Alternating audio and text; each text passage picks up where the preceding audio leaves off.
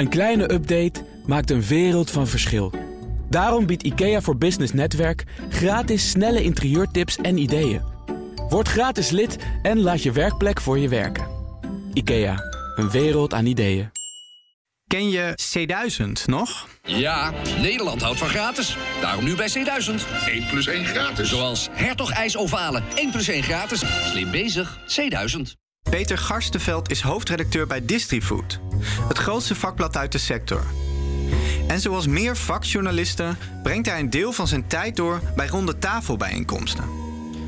Dan gaat hij met wat mensen uit de sector zitten om nieuwtjes en roddels uit te wisselen.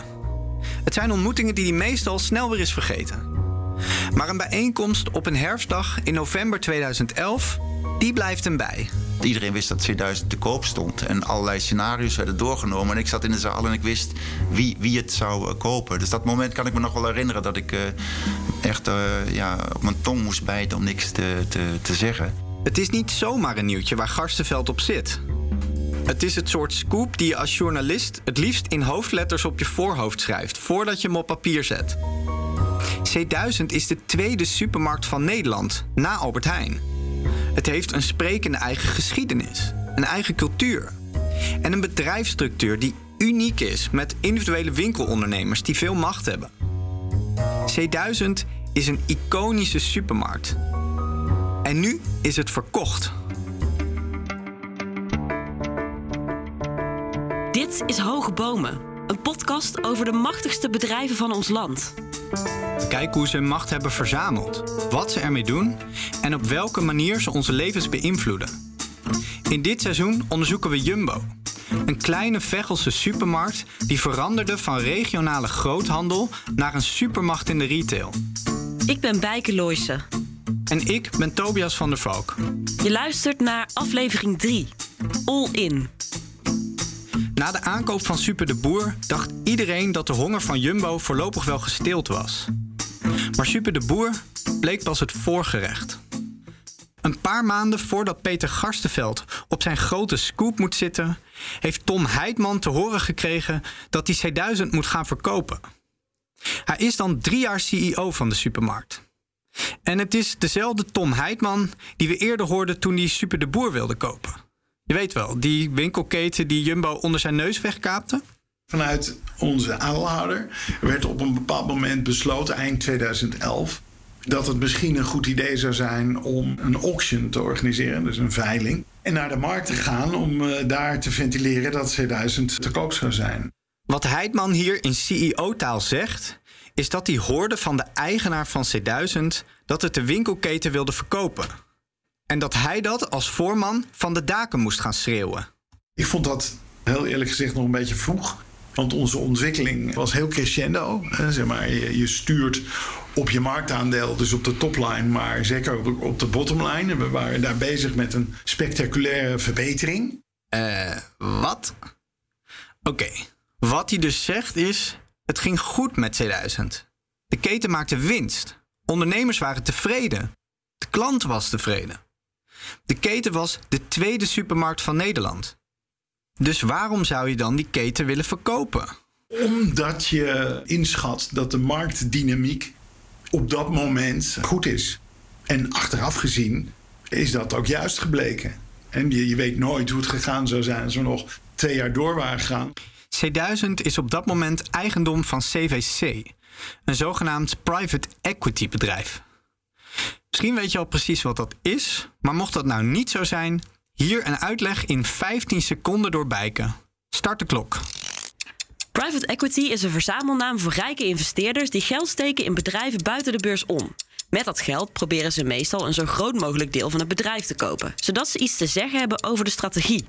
Vervolgens proberen ze met overnames of herstructureringen het bedrijf winstgevender te maken. En als dat is gelukt, proberen ze het bedrijf weer met winst door te verkopen. Nou, echt heel mooi binnen de tijd. Moeten we nog laten weten waar de luisteraars je kunnen boeken bijken? Uh, nee, hoeft niet. Dan terug naar het verhaal. Je hoort Tom Heidman weer, die uitlegt waarom C1000 nou eigenlijk verkocht moest worden. Blijft die topspeler bij Ajax, blijft hij nog een jaartje hangen? En is de markt dan nog zo goed en raakt hij niet geblesseerd enzovoort enzovoort?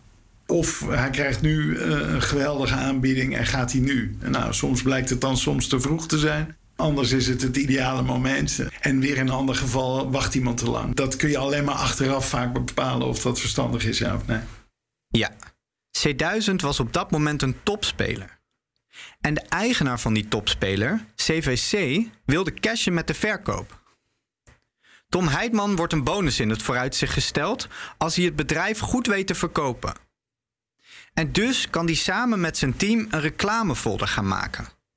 In overnametermen noemen ze dat een informatiememorandum. Een document waar alle belangrijke en interessante gegevens van het bedrijf in staan. En dan heb je meetings. Heel veel meetings. Dat, was uh, een hele intensieve periode. De eerste maand heb je niet zoveel van doen. Maar dat het echt intensief wordt, is een week of zes, denk ik. Zes tot acht weken.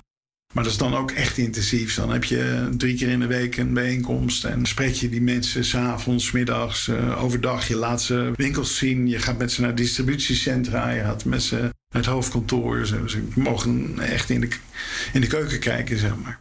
C1000 is populair. Er melden zich vijf serieuze kopers. Jumbo is één van die geïnteresseerden. Niels Onkenhout is nu CEO bij de Nederlandse Staatsloterij. Maar in 2011 zit hij in de directie bij Jumbo. Hij heeft de leiding over de ombouwoperatie van Super de Boer. Je weet wel, die winkelketen die Jumbo onder de neus van C1000 wegkaapte? Het was rete spannend. C1000, eh, de eigenaar daarvan was CVC, dus een private equity firm. Dus dat is een hele andere dynamiek dan dat je met een strategische partij onderhandelt. Uh, dat gaat natuurlijk over gewoon maximale waarde eruit krijgen. In de zin van uh, hoe hoger de prijs, hoe beter. En by the way, als de deal getekend is en de deur gaat dicht, dan alsnog even terug onderhandelen. En oh, oeps, dit. weet je, dus het, is, ja, het is een hele andere mentaliteit. Het is aan Tom Heidman, de CEO van C1000, om de prijs zo hoog mogelijk op te drijven. En hij heeft naast Jumbo nog vier geïnteresseerden. Dus zijn onderhandelingspositie, die is goed.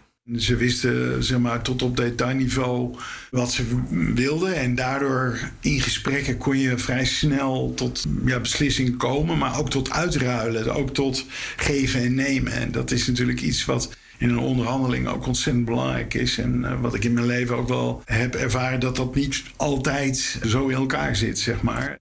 En dat uitruilen is belangrijk bij zo'n overname. De slechtlopende winkels wil Jumbo natuurlijk het liefst van de hand doen. Een deel wil het ook weer doorverkopen aan andere ketens, bijvoorbeeld omdat er al te veel Jumbo's in de buurt liggen. Aan de andere kant belooft Heidman, juist aan het C1000-personeel, dat er zo min mogelijk ontslagen zullen vallen. En in het geval van C1000 ligt er nog iets anders, heel gevoelig. Een belangrijke eis van het C1000-personeel is dat hun C1000 als eigen merk blijft bestaan. Ze dreigen de stekker uit een deal te trekken als dat niet gebeurt. C1000 is een formule die werkt met franchisers. Losse ondernemers die grotendeels zelf bepalen hoe ze hun winkel runnen. Die ondernemers zitten ook in de hoofddirectie en hebben een belangrijke stem in de verkoop. En zij zitten helemaal niet te wachten op mensen uit Veghel die komen vertellen wat ze wel en wat ze niet mogen doen. Helemaal omdat er maar weinig vertrouwen is in Jumbo. Toch een kleine supermarkt die pas net komt kijken op het grote mensentoneel.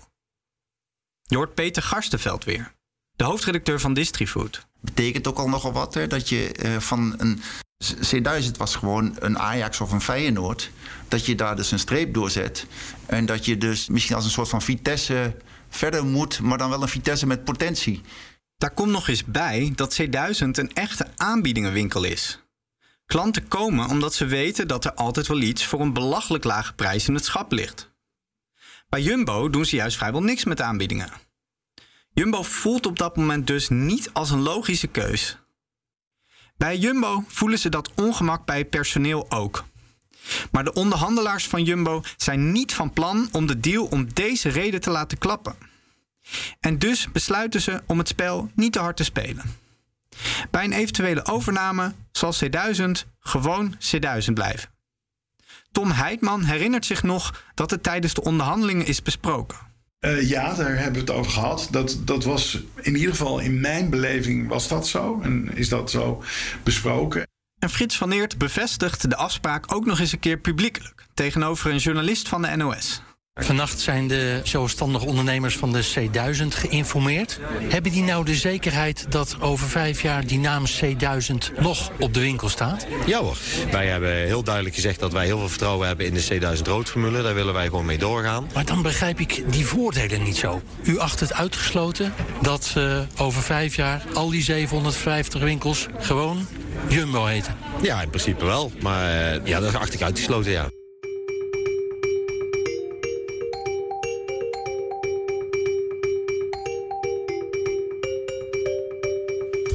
Dat moment wordt in Veghel gewerkt aan een bod. Alle druk ligt daarbij op de man van de cijfers bij Jumbo, CFO Ton van Veen. Van Veen moet een bod bedenken dat hoog genoeg is om de vier concurrenten te verslaan, maar dat niet zo hoog is dat Jumbo de bank straks niet meer kan terugbetalen. Hij balanceert op een heel smal koord. Eén kleine misrekening kan het bedrijf ruïneren. Nou ja, dat, hè, er zitten natuurlijk heel grote financiële modellen aan de grondslag. Maar uiteindelijk is het toch ook een gok. Je moet op een gegeven moment ergens een cijfertje aanplakken. En dan is het altijd maar hopen dat de prognoses kloppen. Hoe, hoe bepaalden jullie intern nou uiteindelijk nou ja, dat het 900 miljoen zou gaan worden? Je kunt met 900 miljoen, als het fout gaat, is het gewoon einde jumbo. En uh, je hebt in dit soort deals heel veel te winnen, maar nog veel meer te verliezen. Ik bedoel, en voor sommige mensen is het dan misschien dat ze een ambitie verloren hebben, maar voor de familie van Eerts zou het betekenen dat ze een bedrijf kwijt zijn. Waar ze nou, uh, op dat moment uh, 90 jaar keihard aan gewerkt hebben. Dus dat mag niet gebeuren. Dus je berekent natuurlijk met heel goede adviseurs, met mensen die wat meer in kansen denken, maar ook heel veel mensen die wat meer in bedreigingen denken van ja, maar wat is nou een verantwoord bod? Daar praat je met de banken over, die challenge je erop. Uh, en dan kom je tot iets dat je zegt, nou dit is wat, wat bij maximaal waard is. En dan moet je ook keihard zeggen, 1 euro meer loop ik weg.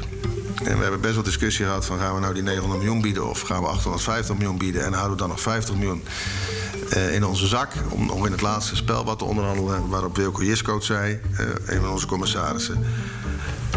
Ton, als je 850 biedt en het gaat straks voor 900 naar een ander, dan trek je de haren uit je hoofd. Als jij 900 biedt en je hebt het niet en het gaat voor 950 naar een ander, dan had je het voor die prijs niet willen hebben.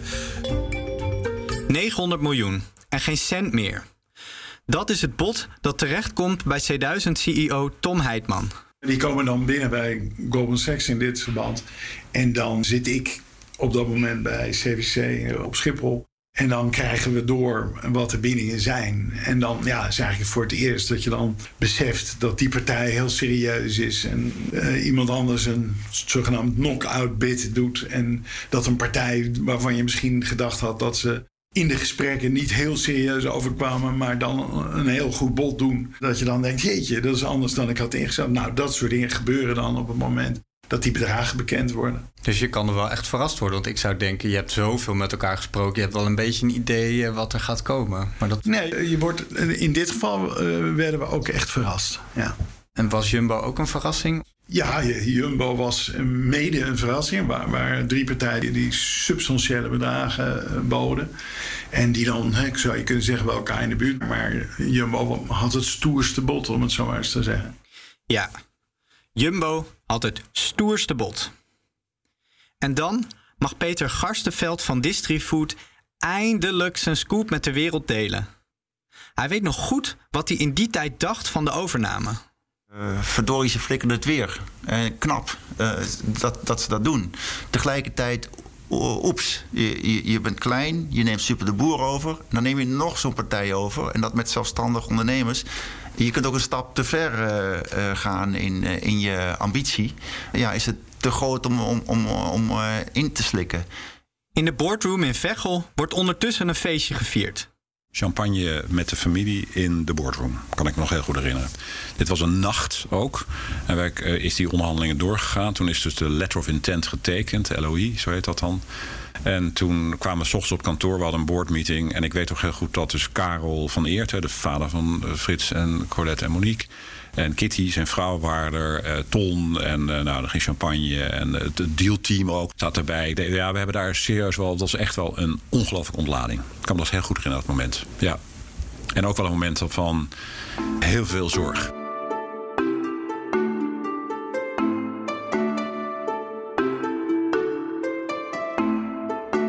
Met de overname van C1000 verrast de familie van Eert niet alleen de buitenwereld. Ze nemen ook een enorm risico. Het bedrijf heeft nu zo'n grote schuld dat de overname wel een succes moet worden. En dat is geen zekerheidje. Overnames zijn ingewikkeld. Een bekende statistiek is dat 65 tot 85 procent van alle overnames uiteindelijk mislukt. Frits Kremer is voormalig communicatiedirecteur bij het omgevallen concern Laurus. En hij zag van dichtbij hoe overnames binnen zijn bedrijf voor grote problemen zorgden. Retail is echt een heel ingewikkeld vak. Ten eerste werk je met heel veel mensen. Een winkel die moet bemenst worden. Er zitten mensen achter kassa's, er moeten vakken gevuld worden, er zijn DC's. Het is niet voor niks dat je die kassa's, dat je steeds minder kassiers en kassières aantreft. Want daar zit hem de pijn natuurlijk. Die mensen moeten allemaal een salaris krijgen. Dus daar begin je al mee. Waar mensen zijn, is trouble. Want mensen veroorzaken problemen. Even kort door de bocht vanuit een ondernemer geredeneerd. Want ze worden ziek, ze moeten op vakantie en ze moeten dit, dat. Zo denkt het bedrijfsleven natuurlijk. Dus hoe minder personeel, hoe beter in die grote bedrijven. Dan heb je het punt dat in het foodretail assortiment kent tienduizenden producten. Een fabrikant kent doorgaans veel minder producten in het assortiment. Ja, eh, als je een, grote multinational bent als Nestlé of zo, dan heb je misschien wel 400 merken. En Unilever heeft er ook honderden. Maar het is altijd toch meer manageable dan dat jij een assortiment van 20 of 25.000 producten moet beheersen. Met supply chains die all over the world zitten. Veelal met tussenpartijen. Het is gewoon echt een heel ingewikkelde operatie. Je moet de inkoop doen, je moet de marketing doen. Een fabrikant die inkoop moet doen, heeft natuurlijk ook met inkoop te maken. Maar dat is doorgaans toch beter behapbaar. als je chocola maakt, dan weet je dat jouw cacao... die moet, weet ik veel, ergens uit Ivoorkust of Ghana komen. Daar speelt natuurlijk ook allerlei problemen. Maar dat probleem kun je concentreren. Dan kun je daar die boeren zorgen dat ze een leefbaar inkomen krijgen. Je kunt de bodem gaan verbeteren, de gewassen verbeteren, noem maar op. Maar een retailer die heeft met duizenden van dit soort eh, problemen te maken. Gewoon omdat er ontzettend veel producten in het assortiment zitten. En als er dan midden in die totale operatie honderden winkels bijkomen met weer hele andere producten, andere mensen en andere systemen, dan moet je flink aan de bak. Tenminste, als je niet bij die berg van mislukte overnames wil horen. Winkels die van een andere formule afkomstig zijn, die moeten omgebouwd worden. En dat is een ontzaglijke operatie. Dat is op zich ook al heel, heel gecompliceerd. Om dat allemaal in goede banen te leiden. Je hebt niet in een week zo'n winkel omgebouwd. Het wordt voor elke vestiging moet een plan klaar liggen.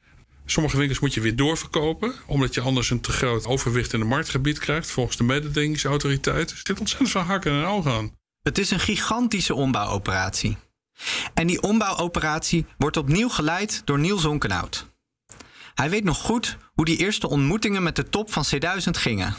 Nou ja, alsof je toch je niet uh, gewassen geschoren en laat staan deodorant opgedaan. S ochtends, als je daar in die directiekamer zit, je bent natuurlijk toch gewoon een onderdeel van de vijand.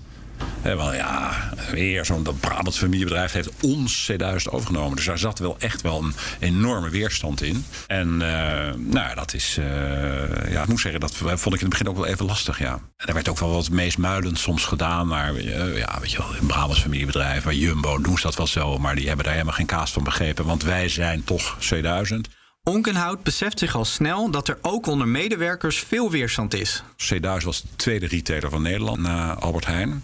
Dus dat was een enorme trots. Wij zijn een, wij zijn een serieus, heel groot bedrijf en we zijn een enorme factor. En Jumbo was zeker niet de gedroomde bruidegom. En dan breekt Jumbo zijn o zo belangrijke belofte aan het C1000-personeel. C1000 blijft niet bestaan als eigen formule. Het is Onkenhout die de boodschap als eerste brengt. Een grotere ondernemersbijeenkomst waar heel veel niet het bestuur was, heb ik gewoon op een gegeven moment, en sommigen denken onbewust, maar ik kan je in deze podcast vertellen, heel bewust, uh, heel helder gemaakt dat uh, we kunnen heel lang praten met elkaar hier, maar de toekomst is geel. Nou, pandemonium brak natuurlijk uit, want de Frits had toch gezegd dat. En we zouden toch dit nog doen. De toekomst is geel. En daarmee is C1000 verleden tijd. Ondanks de belofte. Nee, dat heet dan voortschrijdend inzicht hè, in de verschillende gremia. En eh, we hebben dan uh, dat voortschrijdend inzicht was er. Ik denk dat soms in de emotie van een deal voor elkaar krijgen, in de passie van de familie, misschien wel dingen gezegd zijn die, uh, ja, waar, waar iedereen achteraf van dacht: hmm, is dat nou verstandig geweest? Er is nooit doelbewust zeg maar even andere voorstelling van zaken gegeven. Ik denk in het enthousiasme van... hé, hey, maar joh, jullie doen toch ook hun meekrijgen, enthousiast krijgen. Maar uiteindelijk gewoon heel duidelijk bedrijfsmatig. Jumbo gewoon een betere formule. We hebben het heel professioneel. We hebben natuurlijk een onderzoek gedaan naar de kracht van het merk van Jumbo, de kracht van het merk van C1000. Het was klip en klaar dat Jumbo een veel sterker merk was. Ja, dan ben je natuurlijk wel helemaal uh, gekke Henkie. Als je dan denkt, nou ja, maar we hebben toen gezegd dat we misschien C1000 niet aan de orde. De Jumbo-formule is gewoon beter dan de C1000-formule. En dus is het voor iedereen beter als C1000 verdwijnt. Dat is het verhaal. Maar zo ziet het er niet uit. De eerste omgebouwde winkels draaien helemaal niet zo goed. En de klant lijkt ook verre van overtuigd. Jumbo ik over het algemeen rotzaken. Ja, wat is er zo rot aan dan? Ze zijn wel duurder. En ik vind de C1000 wel prettig. We hebben betere aanbiedingen. En wat ademt voor u de meeste kwaliteit uit? C1000. Dus wat u betreft blijft dit gewoon een C1000? Ja, ja. ik ben niet zo gek op geel. Kleur van de haat. Geel, toch? Geel of rood? Rood. Dat wel. C1000 dus. Ja. De druk op Onkenhout wordt groter. Hij heeft de zware taak om zoveel mogelijk C1000-ondernemers binnenboord te houden. Toen zagen we opeens dat een heleboel ondernemers echt problemen hadden om die omzet te halen die ze vroeger haalden. Wij wisten uit ervaring al bij Super de Boer, wat ook een beetje een, uh, aanbiedingenmachine was, maar minder sterk, dat er eigenlijk een soort. De eerste weken was altijd, oh nieuw, oh, de, de, de C1000 of de Super de Boer is nu Jumbo geworden. Eindelijk een Jumbo in mijn dorp, in mijn straat. We gaan kijken. Natuurlijk heel veel aanbiedingen. Uh, gratis appeltaart voor de eerste paar honderd mensen. Je, je wil de boel starten. Dan zagen we een fantastisch begin. En dan oeh, zakt het helemaal terug. Want dan miste die gemiddelde consument, die dus iedere dag naar zijn haar of zijn C1000 ging. Ja, waar zijn de aanbiedingen Ariel, twee halen, één betalen? Die zijn er niet meer. Toen zagen we die omzet, ik zeg niet instorten, maar wel enorm dippen. En dan wisten we dat kost het een tijd voordat eigenlijk die consument gewend is aan. Hé, hey, maar we hebben wel structureel lagere prijzen bij Jumbo dan vroeger in C1000. En dus groeit het wantrouwen onder C1000-ondernemers. Sommigen stoppen met hun winkel. Veel anderen trekken hun eigen plan. De dynamiek van retail is ook bloemkolen vandaag niet verkocht. Verkoop je niet morgen opeens twee. Want waarom zou iemand twee bloemkolen nodig hebben? Omzet deze dag er niet, deze week er niet. Ja, dat is weg. Dus daar kreeg je natuurlijk problemen met die ondernemers. En wat we, een effect wat we ook zagen is dus dat sommige ondernemers dachten... oh, maar die Onkhouders en het team die proberen die formule natuurlijk lekker overeind te houden. Lekker te douwen, nog meer aanbiedingen, spaarpakketten. Dus laat mij maar even nog de komende twee jaar heel veel geld verdienen. En dan stel ik die omzetdip zo lang mogelijk uit. Je vertelt het allemaal vrij rustig, maar uh, toch moet dat ook ingewikkeld geweest zijn. Je wint bepaald niet de populariteitsprijs voor best een lange periode. Wat doet dat met jou? Uh, je weet dat dit de situatie is, dus ook niet, je wordt niet verrast. Ja, dat gaat natuurlijk ook om. Heb ik, en toen was ik al geen twintig meer. Dus je hebt natuurlijk ook een zekere ervaring. En wat krassen op je ziel. En dingen meegemaakt die uh, aangenaam zijn. En dingen die onaangenaam zijn. En dan dat geeft je ook een zeker zelfvertrouwen. Dat je, joh, ik heb in dit soort situaties gezeten. En werken. Je kan altijd jezelf vragen: wat is het ergste wat kan gebeuren? Nou, dat is niet. Dat is eigenlijk heel weinig. En dan, na ongeveer een jaar, lijkt Jumbo toch zijn gelijk te halen. De omzet bij veel winkels groeit. En het verzet onder de C1000 ondernemers neemt af. Een deel van hen stopt. Maar het grootste deel omarmt Jumbo. Ze worden trouwe Jumborianen. Zo noemen ze dat bij Jumbo. Het is een groot succes voor Onkenhout. Hij krijgt veel lof van zijn collega's. En niet veel later verkast hij naar de Nederlandse Loterij, waar hij CEO mag worden. Met de koop van C1000 zet Jumbo zichzelf definitief op de kaart. Vanaf dat moment denken de meeste mensen bij Jumbo niet langer aan een puzzelmaker, maar aan een supermarkt, die met dat gele logo. De supermarktsector, maar ook de Nederlandse winkelstraat kleurt geel. Je hoort Frits Kremer weer, de voormalig communicatiedirecteur van supermarktconcern Laurus. Iedereen heeft dat voorkomen onderschat. Als je destijds de vakpers erop nageslagen zou hebben, kan helemaal niet, joh. Uitbreiden vanuit Brabant over de rest van Nederland. Wel nee, wie zit daar nou op te wachten? Jumbo, beperk je nou tot Brabant, want eh, daar doe je het best leuk en geen grote broek aantrekken. En al die mensen die dat geroepen hebben, die hebben grandieus ongelijk gekregen. Een verrassing, inderdaad. Maar wie de jaren ervoor, nog voor de overname van Super de Boer, goed opgelet had, had het wel kunnen zien aankomen. Als je in die tijd keek naar de Raad van Commissarissen van Van Eert... Aan het woord is weer Peter Garstenveld van Distrifood. Dan zag je ineens Harry Bruinings daar zitten. En dat was voormalig directeur van Albert Heijn. Je zag Jiscoot zitten, een financiële wizard van ABN AMRO. Dus er zat misschien wel meer ambitie in, in het samenstellen van die raad van commissarissen. In het vergaren van know-how en kennis op het gebied van acquisities. Dat het helemaal niet zo onlogisch was dat ze die sprong hebben gedaan naar de overname van Super de Boer. En toen ze eenmaal de juiste mensen op de juiste plek hadden, durfden ze ook de trekker over te halen. Het ongelooflijke van het Jumbo-verhaal is natuurlijk eh, dat zij in staat zijn geweest om steeds grote sommen gelds eh, los te weken van de kapitaalmarkt. Om eh, avonturen te beginnen die een ander als volkomen onbezonnen zou hebben gekwalificeerd. Want ze hebben steeds ontzettend veel geld weten op te halen om die overnames te financieren. Dus daar moet je wel ongelooflijk hoeveelheid lef voor hebben om dat gewoon te durven. Hè? Joost Pijpker schreef voor NRC meerdere profielen over Jumbo. Hij ziet ook nog een andere belangrijke reden voor het overnamesucces van het bedrijf. Familiebedrijven, dat daar het risico bestaat dat die zich omringen met mensen die allemaal meebuigen met de familie, allemaal ja knikken en dat je dan in een situatie terechtkomt waar weinig kritiek meer is. Het bewonderenswaardige van Jumbo is dat ze de afgelopen jaren, of eigenlijk vanaf het moment dat ze zijn gaan groeien en al even daarvoor, zich hebben gerealiseerd dat ze sommige dingen gewoon niet zo goed kunnen als familie. Dat Frits heel goed is in het inspireren van, van werknemers en uh, het meekrijgen van de hele club. Maar dat een overname rondkrijgen, ja, dat die daar misschien gewoon niet goed genoeg in de financiën zit. Of dat er andere mensen zijn die dat in ieder geval beter kunnen. Dat ze niet bang zijn geweest om die zwakte te tonen. En dus ook om andere mensen toe te laten in hun club met vertrouwelingen. Uh, die dat beter kunnen.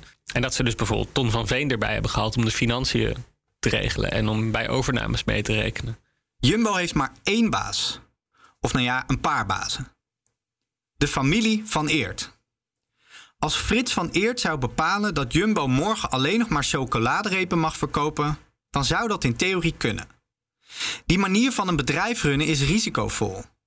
Want als iemand het binnen de familie te hoog in zijn bol krijgt, bijvoorbeeld omdat diegene plots alleen maar chocoladerepen wil verkopen, dan kan het snel afgelopen zijn. Maar als mensen aan de top op een verantwoorde manier met die macht omgaan, dan ontstaat er plots een groot voordeel. De kracht is dat ze heel snel besluiten kunnen nemen en die ook heel snel kunnen doorvoeren. Want anders dan een beursgenoteerd bedrijf, als zij besluiten we willen deze supermarkt overnemen, of we willen HEMA overnemen, of uh, Laplace, dan kijken ze rond. Dan zitten er drie aandeelhouders aan tafel. En die zeggen allemaal, nou, dat zien we wel zitten. En dan kunnen ze het overnemen. Als Ahold hetzelfde zou besluiten... dan moet er eerst een, een, een persbericht uit. En dan moet er een vergadering aangekondigd worden. En voordat dat hele proces rond is, ben je maanden verder. Je kondigt die overname dan aan. Dat moet al heel geheimzinnig, weet je wel. Want het mag niet uitlekken, want beursgevoelige informatie... Uh, mag niet tijdens beurstijden naar buiten komen. Dan moet je de aandeelhouders van je eigen bedrijf gaan vragen: joh, wat vinden jullie van dit plan? Er moet een, zeker bij grote overnames een, specifieke vergadering voor georganiseerd worden, waar ook weer, voordat het zover is, dan gaat er ook weer tijd overheen. Plus bij alle besluiten die je, die je neemt, moet je dus nadenken over meer dan je eigen geld alleen, maar ook het geld van anderen. Jumbo kan snel beslissen en doortastend handelen. En de familie van Eert maakte daar dankbaar gebruik van. Ze durfde risico's te nemen die de meeste directies van beursgenoteerde bedrijven niet eens zouden kunnen nemen. De overname van C1000 was zo'n risico. Het had heel goed fout kunnen gaan. Dan had nu waarschijnlijk bijna niemand van Jumbo gehoord. En was het verhaal van de familie van Eert niet meer dan een bijlage in de lokale krant. Maar het ging niet fout. En Jumbo groeide tegen alle verwachtingen in uit tot de tweede supermarkt van Nederland. Ongekend succes. Maar dat succes kent ook een andere kant. Want met die enorme groei die Jumbo heeft doorgemaakt, is ook de impact van het bedrijf op onze samenleving gegroeid. Jumbo heeft nu ruim 100.000 werknemers. Dat is meer dan bijvoorbeeld Facebook, Shell of Philips. Het neemt iedere week miljoenen producten af van boeren, fabrikanten en distributeurs van over de hele wereld. En wat te denken van die gigantische vloot aan vrachtwagens en de verzameling aan distributiecentra die nodig zijn om die hele operatie draaiende te houden. De beslissingen die de familie van Eert neemt, hebben inmiddels gevolgen die veel verder gaan dan het hoofdkantoor in Veghel. En ze worstelen met die rol. Volgens onderzoeken van Oxfam Novib en Question Mark loopt Jumbo serieus achter als het gaat om duurzaamheid en mensenrechten. Daarnaast heeft het ook de woede van boeren en fabrikanten in Nederland op de hals gehaald, vanwege de lage prijzen die je betaalt voor producten. Het afgelopen jaar stonden er meermaals protesterende agrariërs voor de distributiecentra. En Frits van Eert werd zelfs thuis bezocht. En ook uit Den Haag klinkt steeds meer kritiek. Want waarom lobbyen de supermarkten, waaronder Jumbo, tegen elke vorm van wetgeving die voor een eerlijkere voedselketen moet zorgen? De spannende vraag is nu: hoe gaat de familie van Eert met die nieuwe uitdagingen om? En kan het de durf en de daadkracht die het heeft getoond bij deze overnames ook gebruiken om hier oplossingen voor te vinden? Als ze dat zouden doen, zouden ze niet alleen Jumbo veranderen, maar misschien wel de hele sector, het hele voedselsysteem. De impact zou nog ver buiten Veghel te voelen zijn. Impact van Jumbo goed uit te kunnen leggen, moeten we volgende week nog één keer de geschiedenis in. Want niks is zo cruciaal voor de dagelijkse bedrijfsvoering van Jumbo als de nieuwe formule die Karel van Eert in 1996 invoert. Dat is een gek met een gek uh, uh, experiment. Uh, waarvan objectief beredeneerd ook heel veel mensen zeiden van... kan dat nou? En er is oorlog op komst. Mijn vrouw heb ik het eerst ontslagen. Het is net Israël en de Palestijnen, zeg maar. Dit seizoen van Hoge Bomen is een productie van onderzoekscollectief Spot on Stories en BNR. Met Wendy Beenakker als bevlogen projectbegeleider. Onmisbare hulp bij de edit door Juri Buis. De muziek die je hoorde is van André Dortmund en Klaas-Peter Olijnsma. Hulp bij de research kregen we van Anna Deems en Matthijs Smit. De mixage van deze aflevering is door Morten Brogaard gedaan. Verder kregen we ongelooflijk waardevolle adviezen van Jeroen Smit, Rupert Parker Brady en Siona Houthuis. Deze podcast kwam tot stand met hulp van financiering door het Stimuleringsfonds voor de Journalistiek en het Fonds Bijzondere Journalistieke Projecten.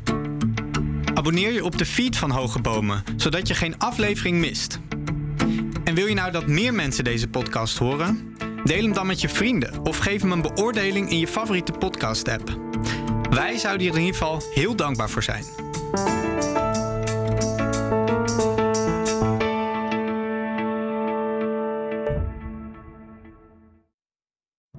Als ondernemer hoef je niet te besparen op je werkplek. Want IKEA voor Business Netwerk biedt korting op verschillende IKEA-producten. Word gratis lid en laat je werkplek voor je werken. IKEA, een wereld aan ideeën.